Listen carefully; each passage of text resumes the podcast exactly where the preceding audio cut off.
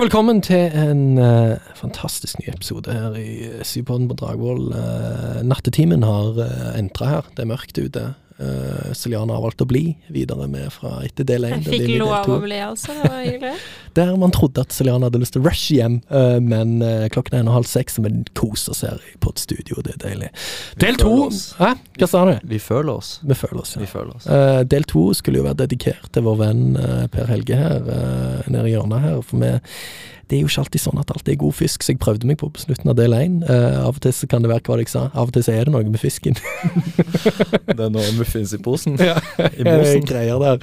Uh, så det er en del vi, vi, håper at vi kan presentere noen perspektiver hvis det blir en større oppgave på eksamen, som man kan bruke til å, til å liksom utvide og vise at man uh, Hva var det Jon Harald sa i en uh, psykisk lidelser-episode, dette med å tenke sjæl fra Trond-Viggo Torgersen. og det, det, er vel passende her òg. Kommer jeg til å ha den resten av dagen? Da har vi ødelagt resten av dagen. Uh, men trekk, uh, og da hopper vi på det, da. Til forskjell fra hva da? Altså, forklar. Ja, det, vi, vi, kan jo ta det bare helt kort. Vi snakka om det i stad med det her med personlighetstyper. Det, det, er jo ikke noe vi bruker lenger. Det er gått litt Er det ikke det? Nei, altså ikke noe man burde bruke, i hvert fall, kanskje. Oi. jeg tror det er litt sånn Det er litt populært, i hvert fall i noen uh, kretser. Kanskje særlig populær uh, Kanskje det er viktig å si at nå presenterer vi bare noen perspektiver her, sant. Ja, ja. Og dette er, noe av dette beveger seg kanskje til og med litt ut fra pensum, og vi, vi tar utgangspunkt i og, og, og, det er ikke som en negativ ting. Vi presenterer ikke egne tanker, men vi presenterer ting som forskningsmiljøet har fokusert litt på, og bare for å gi dere litt sånn ekstra hva skal vi si, utvide perspektivet litt. Men ikke ta alt det vi sier for God fisk. Sant? Mm. Altså, det, er ikke, det, er ikke, to streker under svaret på alt, men fortsett. Nei, det burde jo være slagordet for psykologien, egentlig. Men, uh... vi kommer til å melde hardt, det er det ingen tvil om. Nei, det, men det har vi jo snakka litt om, at personlighetstyper det er kontinuum, ikke kategorier. Uh, og så kan man òg eh, skille trekk fra vaner. Altså trekk, det er jo som vi snakka om, om, så dreier det seg litt mer om overordna tendenser. Da. Mens vaner er kanskje litt mer spesifikke måter å gjøre ting på, som man har lært seg. Eksempel det faktum at jeg pleier å ta med meg matpakke i sånn her matpakkeposepapir, er kanskje ikke et personlighetstrekk. Så du mener det er liksom papiret som ligger på toppen, eller hele greia pakka inn? Ja, det er sånn, eh, Istedenfor sånn matpakkepapir, så er det liksom matpakkepapir bare forma som en pose. Deilig. Ja, det, det, er utrolig sånn, fascinerende. Ja. ja. Du bekrefter dette. Ja, vi kan invitere deg til lunsj med oss en gang, så kan du Ja, du får observere det. Ja. Uh, så det, det, er jo, det, er kanskje ikke et personlighetstrekk, men det er faktum at uh, jeg tar med mat i det hele tatt, reflekterer kanskje at jeg scorer i det minste over bunnivå på planmessighet. Skiller det seg fra tilstand, da? Trekk? Eh, det er det absolutt òg. Ja. Eh, tilstanden kan jo beskrive noe som er litt mer umiddelbart og litt mer sånn forbigående følelser, kanskje. Hvis jeg liksom plutselig blir forbanna for at eh, det faen jeg sklir på noe vann på Dragvoll fordi at det er faen ikke tett på dette jævla bygget her, og det mm. detter ned vann av og til. Men jeg, jeg blir det, den, jeg, det går jo fort over etter fem meter så er jeg gjerne klar igjen. Det er noe med det. Bare ja. du får snudd det og kjefta litt på det her du sklei på. Det er ikke sikkert jeg gjør det engang, men jeg, inni meg kan det være Men det er jo en forbigående tilstand, da. Det er en forbigående tilstand. Men det ja. tenker jeg også, det er kanskje lurt å snu seg og gjøre den greia, for da kan Anne skjønne at du, du, du, du er, ikke, du er ikke så klumsete, kanskje. Du har litt uh, kontroll. Jeg vet ikke om det er det som er funksjonen til det der, men uh, det er en hypotese, i hvert fall. Ja. Jeg vet ikke om det finnes en leksikalsk tilnærming til akkurat det, men det er deilig. Vi kan late som. Nei, så et, et, annet eksempel kan jo være det å skulle snakke offentlig, um, eller i podkast, for den saks skyld. Sypodden på Dragvoll, folkens. Finner det på fem ulike plattformer. Jeg håper dere nyter det. Ja, det, kan, ja det, altså, det, er jo nok til å sette enhver i tilstand stressa. Men du ser går, ikke så stressa ut. Eh, nei takk, men ja. inni meg så foregår det en intens krig. Du koker inni deg. Ja. ja. Okay. Uh, mens noen, men det her går jo da over, da. Uh, selvfølgelig. Mens noen vil jo ha en mer gjennomgående tendens til å bli stressa enn andre. Ja, så tenker, jeg, altså sånn, Folk blir stress. Det fins folk som blir stressa for flere situasjoner, og så fins det noen som bare virker som de er cold rock gjennom mm. Coldest rock, faktisk. Mm. Coldest rock. Coldest rock. Carlsen Stein. Cold Aster rock, ja, jeg er med på. Um, det er sikkert ikke så nødvendig. så trekk det beskriver tendenser på tvers av situasjoner, eller det sånn som jeg forstår det her. Mm, mm. Men hva er viktigst, da? Er det person, eller er det situasjon? Det, en, det kunne vært en sånn quote line til episoden. Ja, ja ikke sant. Uh, ja, det er et godt spørsmål. Uh, Selv om det egentlig kanskje er feil spørsmål å stille. Så Takk kanskje det er et uh, dårlig spørsmål. Thank you. helt kort så kan vi jo si at de samme personene vil jo reagere noe ulikt på ulike situasjoner og at ulike personer vil reagere noe ulikt på den samme situasjonen. Altså I tillegg så er jo personlighet med på å bestemme hvilke situasjoner du havner i. Så for eksempel vil jo ekstroverte være mer tilbøyelig til å oppsøke fest. Så som boken oppsummerer det med, eh, om det er person eller situasjon som styrer atferd, er et spørsmål man kanskje ikke trenger å kaste bort mer tid på å besvare. Den var fin. Den var fin. Referanse side 120, det er fin. Eh, hvordan måler man personlighetstrekk, da? I det hele tatt, da? Uff. Det er et spørsmål. Oh, nå spør jeg Eh, godt. Ja. Kanskje eksamen òg spør om det? Ja, det, det skal du ikke se bort ifra. Ja. Det, nei, det her kan man gjøre en, eh, gjennom en rekke metoder, og vi skal bare gå inn på litt nå. Men um, det vanligste er jo kanskje at man fyller ut et spørreskjema, noe som kalles for sjølrapportering. Ja, det nevnte vi jo i del én, men Mm. vi gikk ikke så mye inn på det. Så kanskje du forklarer litt hva det er for noe? Ja, um, og litt mer som vi, em, vi um, gikk inn på i stad, så går jo spørreskjemametoden um, ut på at man fyller ut et uh, spørreskjema som består av forskjellige items, da. Jeg kommer litt tilbake til. Men uh, spørreskjemametoden er da nært knytta til den såkalte leksikalske hypotesen som vi snakka litt om.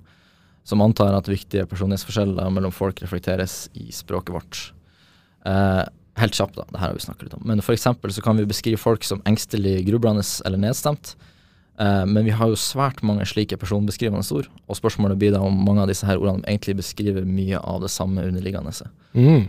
Derfor prøver man å redusere de personbeskrivende ordene til så få ord som mulig, fram til man sitter igjen med mer overordna begrep. Og det her gjør man da med en statistisk teknikk som heter faktoranalyse, som undersøker om og hvordan variabler i et datasett henger sammen med hverandre, og hvordan de danner klynger. Jeg syns den beskrivelsen jeg hadde i del én var god. Jeg likte den. jeg. Mm. Så for de som hoppet rett på del to, nå må faen høre på del én, bare for å høre hvor magisk jeg forklarer faktoranalyse. eh, kan du si noe om Kjapp, uh, Ja? Bare for å ta det kjapt igjen, men det blir, det blir viktig senere. Ja, oh, du tenker ja, du, den er fin, da legger du frø. Eh, men kan du si Er det noe å si om Er det, er det spørsmål som oftest blir brukt, da? Ja, eh, Det mest kjente spørreskjemaet, eller måleinstrumentet, som man kan kalle det, høres kanskje litt mer fancy ut. når man Det høres litt mer sexy ut, ja. Det flower ja, litt. Ja. Det gir litt mer sånn aim av eh, scientificness, vitenskapelighet kanskje, jeg vet ikke. ja. Og hvis vi da tolker at en aim of scientificness er en aim of sexiness, så er jo det i seg sjøl mer sexy. Ja, Og det- mer berektiget å Ja. bruke det, rett og slett. Dette er fullstendig bullshit. Tilbake igjen til det du egentlig snakker om. Ja. uh, nei, det mest kjente av de her måleinstrumentene kalles uh, neopi, som vi snakker om. Mm. Uh, som står for Neuroticism Extroversion Openness Personality Inventory. Den er kanskje til og med folk sett på nett. Eh, det kan det godt hende. Eller på 1-2-3-spill. Eller What? eller Der er det kanskje litt mer sånn Hvem er du i Squid Game, liksom? Sitt Squid Game. Ja, ja. Ja, så er ferdig i gang. Ja. Jeg, jeg lå på IMDb-skala, så lå jeg på Squid Game på sånn, i første episoden var jeg sånn ni av ti. Ja. Jeg liker sørkoreansk film. Jeg har sett Parasite, jeg har sett Train to Busan. Sett Mm. den? Nei. Veldig undervurdert uh, sørkoreansk zombie-movie. Den er faen class, faktisk. Men Ja, så, det, det ble jo litt sånn eh, Battle Royale, hvis du kan se den. ja, det kan stemme bra, det, altså. Battle Royale møter Parasite. Ja, så jeg var litt sånn uh, Jeg var litt sånn ok, jeg ga Squid Game en god nier etter episode én, men så gled jeg ned til en åtter, men eller åtte av ti er likevel sterk karakter, altså. Sånn, i min skala. Men så vil jeg òg si at det som er litt gøy med sånn at vi sier Skandinavia, sånn broen, at det er sånn Nordic noir eller Scandinavian noir, så vil jeg si at Sør-Korea toucher mye det samme. De har en helt egen sånn det jeg kaller South Korean noir. Altså sånn, det er en sånn der virkelighetsfølelse i den serien som er sånn Det er liksom det er noe nasty, noe ekkelt i det. Mm. Sant? Noe sånn der jordnært. Men er det trekk, eller er det Squid Game vi snakker om her? Nå, nå sitter Ja. Nelly Furtado og ler nede i hjørnet her. Klink det tilbake igjen, hva vi snakket om Neopi og 1, 2, 3 spill og det ene og det andre. Ja, vi har jo snakka litt om Neopi i stad, og at um, det er de tre, de tre trekkene som senere Ja, de la senere til de Fordi de starta med tre trekk i modellen sin, så la de senere til uh, de to resterende. Og så ble det fem faktorer, når de fant ut at det var mye forskningsresultater som ga støtte til det. da. Mm. Uh, men Neopi er da et eksempel på et uh, indirekte sjølrapporteringsskjema. Um, vi vet jo at folk vil gjerne vise fra sin beste side, så sjølrapporteringsskjema må gjerne tenke på hvordan spørsmålene formuleres. Så for å måle f.eks. nevrotisisme, så spør man liksom ikke bare "Er- er du nevrotisk. Eh, hvem syns vel det er gøy å si ja, ja, jeg er nevrotiker. Mm. Um, Det var vi litt innom i psykiske lidelser òg, på diagnose og utredning på den ene episoden der, med at det er ikke alltid like lett å være sånn fullstendig bevisst over egen atferd heller, på sett og vis, på det nivået. Mm. Jeg vet ikke om det er sånn direkte link til dette, da, men det er jo ikke alltid så lett, da. Ja. Nei, men jeg tenker det òg er, Ja. er relevant, for da må du jo på en måte vurdere sjøl opp mot ja, ok, hva er nevrotisk, hva betyr det i det hele tatt, og sånn. Hva er normalt for deg òg? Det er jo en annen ting, dette med situasjoner versus strekk. Det er mange ting å tenke på, så da blir det, gir det mer mening å spørre om mer konkrete ting da, folk gjør som tenkes å være relevant for eh, personlighetstrekket man ønsker å måle. Så kan du f.eks. spørre om eh, ting som, spørsmål som ja, jeg bekymrer meg ofte for ting som kan gå galt, og så skal du svare liksom, er du veldig enig i det, eller veldig uenig? Mm. Det er sånn generelt, da. Om du er redd for at ting skal gå galt. Det er på alle slags mulige ting. Fra å gå på bussen til å lage middag til å være med på pod. Mm. Mye kan gå galt. Absolutt mye som kan gå galt. Det er faktisk mer ting som kan gå galt enn kan gå riktig her. Nei, jeg tenker ikke på det i det hele tatt. Det var Nei, men- pessimistisk. Ja, ja, ja, dette ordner seg så jævlig. Kjøp deg en Det sånn Smash, det. kos deg, se Squid Altså, Game. Universet Ja. går mot uorden, vet du. Andre loven av termodynamikken. Jeg er nødt til å invitere deg på flere podder. Dette er så deilig. Uh, men uh, det er vel gjerne mer å legge inn her. Eh, absolutt. Eh, man kan også bruke andre folk til å vurdere personlighet, og det her blir jo såkalte observatørbaserte metoder. Ah, Så da kan man f.eks. gi en eller flere bedømmere, altså folk som skal bedømme, eh, et tilpassa personlighetsspørreskjema. så det kan være to-tre stykk, da, som vurderer én, Ja, f.eks.? ikke sant. Sett to-tre folk til å følge det, og score det og observere din atferd. Ja. Det kan òg være på forskjellige tidspunkt. Eh, Det er kanskje egentlig mer viktig å si. Nei, Det er mye som går igjen i diagnoseutredning del 1 og del 2 altså på akkurat dette punktet. Så det er litt eh, in interessant. Mm. Ikke at man går til en, eh, til en psykolog for å få en personlighetstest alltid, da. Men mm. det, Man går på jobbintervju for Ja. å få en personlighetstest. det høres mer Arborg og korrekt ut, ja. Det kan, kan man si. Men spørsmålet er går man, får man de riktige personlighetstestene. da? Det er sant. Det er jo en egen debatt i seg sjøl, holdt jeg på å si. Nei, ikke vet jeg.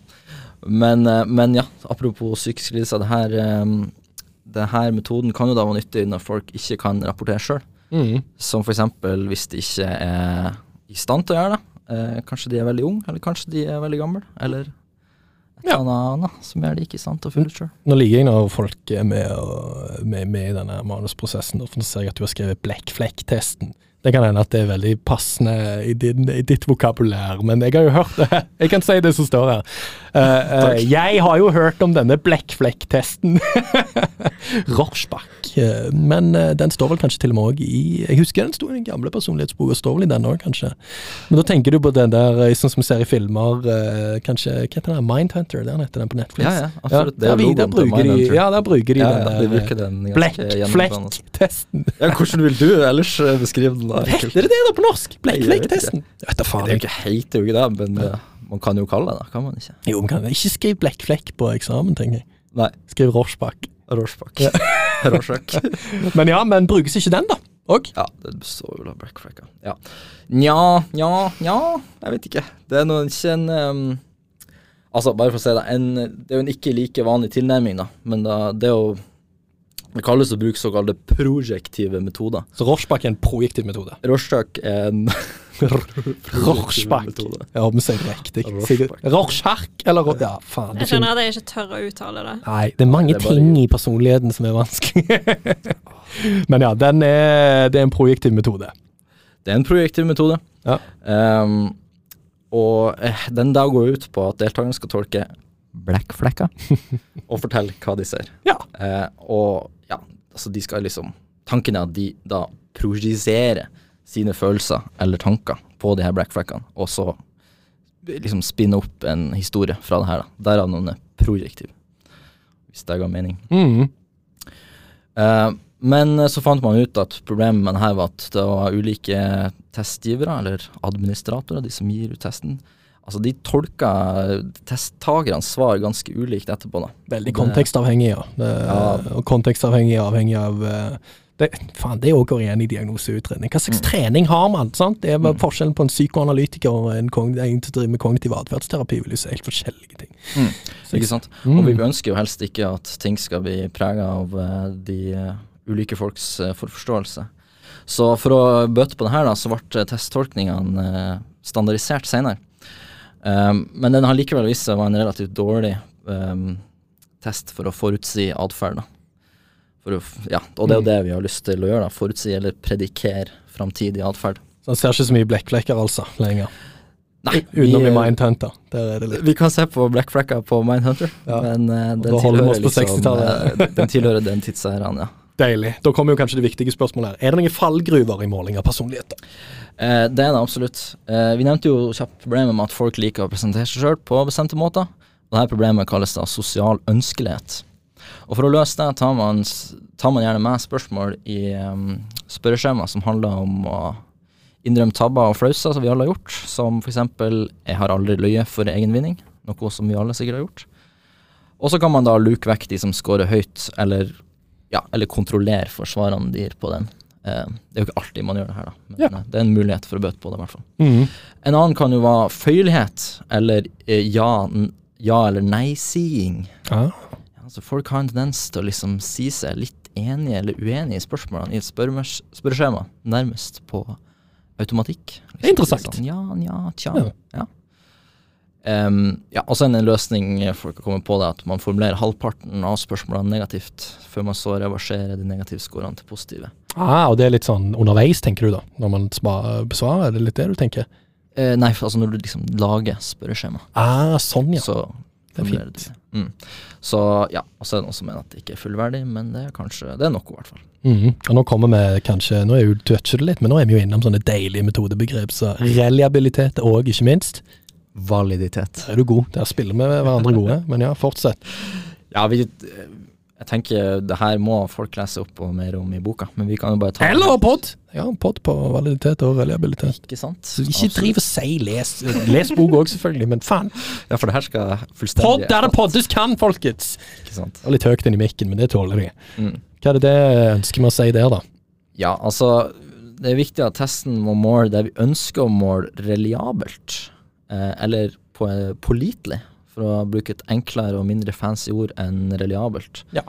Så går liksom flere Så da kan man jo stille seg om spørs spørsmålet om flere av eh, Flere spørsmålene, delene av spørreskjemaet, går på mye av det samme. Ja, men òg at det måler det samme over tid òg er jo vel så viktig. Ja, altså, ikke sånn at Du vet at dette her er et godt mål på ekstroversjon, f.eks., og at man ser at dette stemmer over tid, og ikke har for mye fluctuation. Jeg kommer ikke på det norske ordet, men litt varians, da. Mm. På sett og vis er jo det veldig ønskelig når man skal måle det.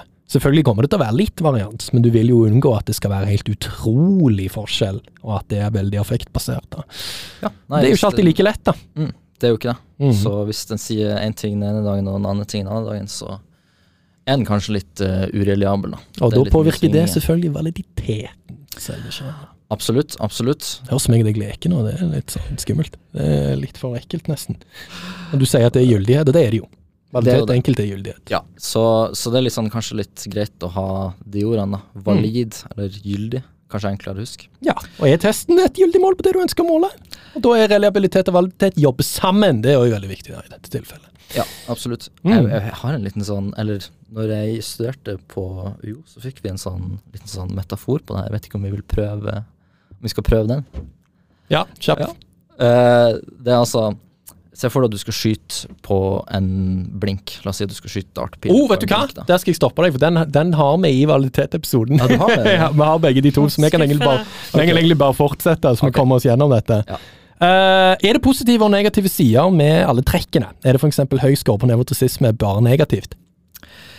Uh, nei. Uh, som de sier i denne andre podkasten, eh, vi vil jo helst ikke rangere, men kanskje heller sortere. Det er da Harald Eia sin Sånn er du-podkast. Ah, den, ja. Mm. Um, det er kanskje ikke helt tilfeldig at det finnes flere forskjellige ulike trekk. Så kanskje er det ikke sånn at det er én optimal måte å være på, da. Tenker, eh, det, det er godt mulig at det kan være positive og negative sider av høye og lave scorer på alle de ulike trekkene. Mm. Så det ser ut til at man kan ha en rekke heldige og uheldige kombinasjoner av trekkene. Uh, men bare husk at hva som er heldig og uheldig, kommer kanskje an på kontekst. Ja. For eksempel, noen ganger kan det jo være lurt å ha spisse albuer, eh, som vi kan oversette lav omgjengelighet, eh, for ikke bli overkjørt i konflikter, f.eks. Mm. Og av og til kan det være lurt å ikke ha det.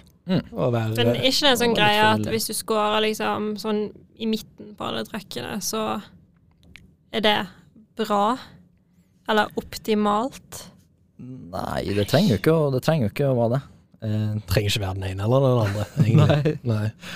Nei, jeg vil, jeg vil framholde Jeg skjønner hva du mener, for da, da, er, det sånn, da er du altså sånn, Du tenker kanskje i, i sett og vis at Ja, da altså, har man evnen liksom til å være eh, Ja, hva skal vi si, fleksibel i forhold til situasjonen. At man har kontekstavhengighet. Det er hvis du går litt i midten på enkelte Ja. ting. da. Men så er det jo dette med kanskje du testen i seg en sjøl, og hva det måler. person hvis du scorer Det høres litt snork ut, det. det er litt sånn eh, den gylne middelveien. Ja, jeg ser det. holdt jeg på å si. Men for å hoppe litt videre. Uh, Trekktilnærmingen den er veldig populær. Har han noen begrensninger? Ja, den har nok det. Så funn fra denne forskningstradisjonen forteller oss at folk er forskjellige på ulike måter, men jeg ser oss veldig lite om hvorfor. Ok. Ja, så det er jo en, det er en stor debatt i fagfeltet om vi skal forstå personlighetstrekk som noe som forårsaker atferd, eller som bare en beskrivelse av hvordan folk pleier å handle. Uh, for eksempel da, er det sånn at ekstroversjon er én ting eller et system i nervesystemet ditt som uh, forårsaker atferd? Eller er ekstroversjon bare en oppsummering av ting folk gjør av ulike årsaker? Man antar jo ofte da at trekkene er noe som forårsaker atferd, eh, men det er litt mer uklart hvor godt vi kan årsaksforklare trekkene sjøl. Ja, bare for å ta en liten sånn kjapp eh, metafor på tradisjonell måte å tenke på det på, da, så er det at eh, noen, fors noen forskere formulerer det sånn at man tenker på personlighetsfaktorene som forskjellige akser på et kart, med liksom lengde og breddegrad. og hvor målet med forskninga er å utforske de mange dimensjonene folk kan være forskjellige på, og at det ikke da skal finnes noen mørke, uutforska flekker på dette kartet. Men det her gir oss jo da bare en beskrivelse av måter folk er forskjellige på, og ikke forklaring på hvorfor, liksom. Hvorfor kan noen være på den ene kanten og på den andre kanten, og høyt på den dimensjonen og lavt på den dimensjonen, og hvorfor de dimensjonene er de interessante, da. Og for å, her, for å løse det problemet, så trenger vi forklarende teori, og det er litt det som mangler. Femfaktormodellen for eksempel ble kritisert av denne iSenk i sin tid for å basere antall trekk bare på faktoranalyse, da. Bare på statistikk, og ikke noe forklarende teori bak. Så femfaktormodellen er kanskje ikke helt komplett, da. Eh, nei, muligens ikke. Og man kan jo også diskutere f.eks. om det er fem faktorer eller seks som er best. Nå går vi jo litt utafor pensum, da. Eh, men her, her, her hersker det jo en del eh, uenighet og en eh, mye vitenskapelig debatt rundt det, da. Andre vil igjen kanskje si at denne diskusjonen har lite for seg, siden fem eller seks uansett fortsatt er ganske få, og ganske sånn grovkorna og kanskje litt ja, abstrakte eh, dimensjoner, da. Så er Som kanskje trekktilnærmingen litt teoretisk begrensa? Det er det du sier? Ja. Ja. ja. Ja. Fins det noe som kan supplere det? Eh, ja. Så det er jo noen eh, evolusjonært orienterte forskere, f.eks. for eksempel, som eh, Ja, noen mener jo at eh, variasjon i trekk er uttrykk for bare sånn genetisk eh, støy, og at de liksom ikke har noen funksjonell grunn til at folk varierer langs de her dimensjonene. Eh, for grunner som vi ikke kan eh, gå inn på nå. Eh, mens andre forsøker å forklare liksom, nytte og kostnader ved å være høytskårende eller lavtskårende på de fem store trekkene. For eksempel, eh, det kan jo være lurt i noen settinger å være planleggende, men kanskje ikke dersom det gjør at du blir for rigid. Et eksempel. Og så, nå går vi jo i hvert fall utover pensum, så med at eh, andre revolusjonært orienterte forskere igjen da, eh, kritiserer denne uh, kostnads-nytte-tilnærminga eh, for å bare liksom late som man har funnet de reelle personlighetsdimensjonene. Det er liksom at man later som at de her statistiske spøkelsene som oppstår fra faktoranalyser, at de er virkelige. Bemerk dere dette Per Helge sine ord. Men det er et fint perspektiv, og det er anerkjent. Men du kan få lov å fortsette din daily rant. Semi-rant, da. Eh, ja. Nei, men altså, eh, ekstroversjon eksempel er jo noe som bare har oppstått fra data. Men så blir spørsmålet er ekstroversjon en ting, eller er det bare liksom Ja, det er bare noe vi kaller det som oppsto fra dataen. da. Så Ah, det, var, ja. det var litt det som er poenget. da. Um, så det, det de mener er at man heller må starte med å ta for seg såkalte til tilpasningsproblemer, eller adaptive problemer, som fantes i fortida. Og så undersøke hvilke psykologiske mekanismer som kan ha evolvert i respons til de her. Uh, og så undersøke hvordan de her eh, psykologiske mekanismene kan variere noe mellom folk på ulike måter. Eh, for eksempel argumenterer forskere som Lukasjevskij og Buss for at omgjengelighet, eller agreeableness, egentlig er et uttrykk for variasjon i mekanismene som utgjør emosjonen sinne. Og det her skal vi ikke gå noe særlig mer inn på de her argumentene eh, som de har nå, men eh, kanskje poenget er vel at det er ikke sikkert at personlighetsteoriene våre, som f.eks. femfaktor, alltid kommer til å se ut som de gjør i dag. da. Nei, det er jo veldig nyttig lærdom alene, det. Altså, igjen dette med å ta ting for god, God fisk. god fisk. Der er du kjapp. Det er flott. Eh, men nå ble det jo mange Nå ble det mye forskjellig i ulike retninger her. Men hva skal man tenke om dette her, da?